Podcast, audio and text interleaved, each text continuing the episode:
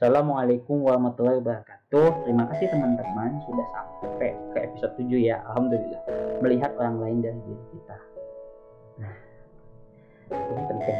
Melihat orang lain dari diri kita itu adalah suatu hal yang uh, wajib dari teman-teman. Tapi banyak orang lain Assalamualaikum warahmatullahi wabarakatuh. Terima kasih teman-teman sudah sampai ke episode 7 ya. Alhamdulillah melihat orang lain dari diri kita. Nah, ini penting. Melihat orang lain dari diri kita itu adalah suatu hal yang uh, wajib dari teman-teman. Tapi banyak orang-orang yang bilang, eh baper ini, kenapa sih? Toh orang juga nggak peduli sama kita, ngapain kita peduli sama dia gitu. Tapi uh, empati itu penting. Karena bagaimana cara kita bisa uh, berinteraksi dengan orang jika kita tidak empati maka empati menjadi solusi dalam permasalahan-permasalahan komunikasi. Dan hari ini Didi akan bahas tentang bagaimana melihat orang lain dari diri kita. Bagaimana cara kita empati dengan mudahnya gitu. Empati itu banyak kan kayak punya permasalahan, eh aku sulit empati deh, eh saya sulit untuk uh, sulit untuk uh, mengerti orang lain gitu. Padahal sebenarnya mengerti orang lain itu simple. Yaitu bagaimana kita bisa merasakan apa yang dia rasakan ketika kita melakukan hal itu ke dia. Misal contoh kamu marah kamu dicubit. Kamu pengen tahu rasanya dia cubit sakit gak ya? Bagaimana kita rasa sakit gak gitu. Nah caranya adalah ya kamu cubit dia atau kamu cubit dirimu sendiri. Sakit. Tapi jangan saya nggak nyuruh nyubit ya. Nyubit aslinya nggak cuma maksudnya coba bayangkan saja pasti sakit. Begitupun dia kita marah semua. Marah semua. Rasulullah bilang nggak boleh marah jangan marah jangan marah jangan marah. Even uh, yang saya dapat selama ini bahwa kesabaran itu yang paling sabar doang yang paling kuat gitu. Nah kesabaran itu bisa didapat dari orang yang empati apalagi kalau lagi marah. Marah marah besar.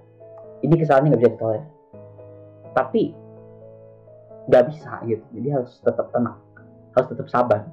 Karena kalau dia marah ini orang akan tersinggung. Orang tersinggung prestasi dia mungkin bisa jadi nurun. Bisa jadi kesalahan dia memang karena kelalaian dia. Belum tentu karena memang dia sengaja. Jadi kita harus banyak memikirkan hal tersebut.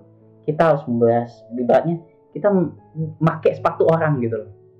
Uh, kita merasakan sepatu orang dulu. Lalu kita mau melakukan sesuatu.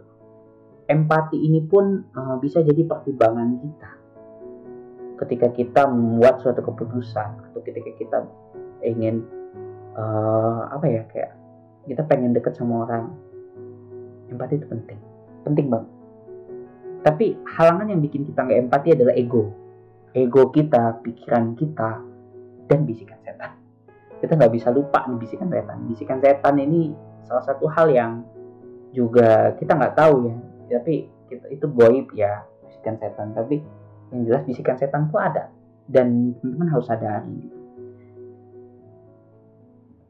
Empati itu juga bisa tertutupi dengan sifat impulsif. Kita yang kayak mau sekarang gitu. Kayak apa pun mau sekarang apa pun mau sekarang gitu.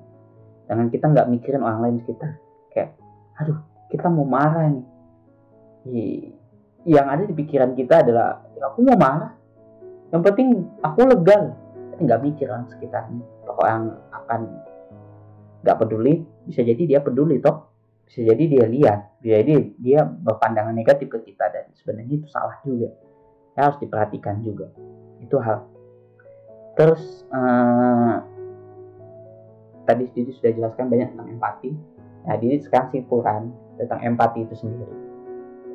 Jadi uh, untuk bisa balik ke topik sebelumnya ya yaitu itu bisa panjang visinya cintanya biar nggak palsu. Maka kita harus uh, belajar untuk melihat orang lain dari diri kita. Empati itu adalah kunci untuk mencintai seseorang.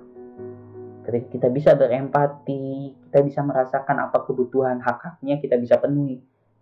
Insya Allah kita bisa mencintai orang. Saya berharap ya Allah kita berdoa di Jumat Asar ini teman-teman bisa diberikan anugerah untuk bisa mencintai dengan benar dan bisa uh, empati dengan uh, kesedihan maupun uh, duka orang-orang di sekitarnya. Terima kasih. kita lanjut ke episode selanjutnya insya Allah minggu depan terima kasih assalamualaikum warahmatullahi wabarakatuh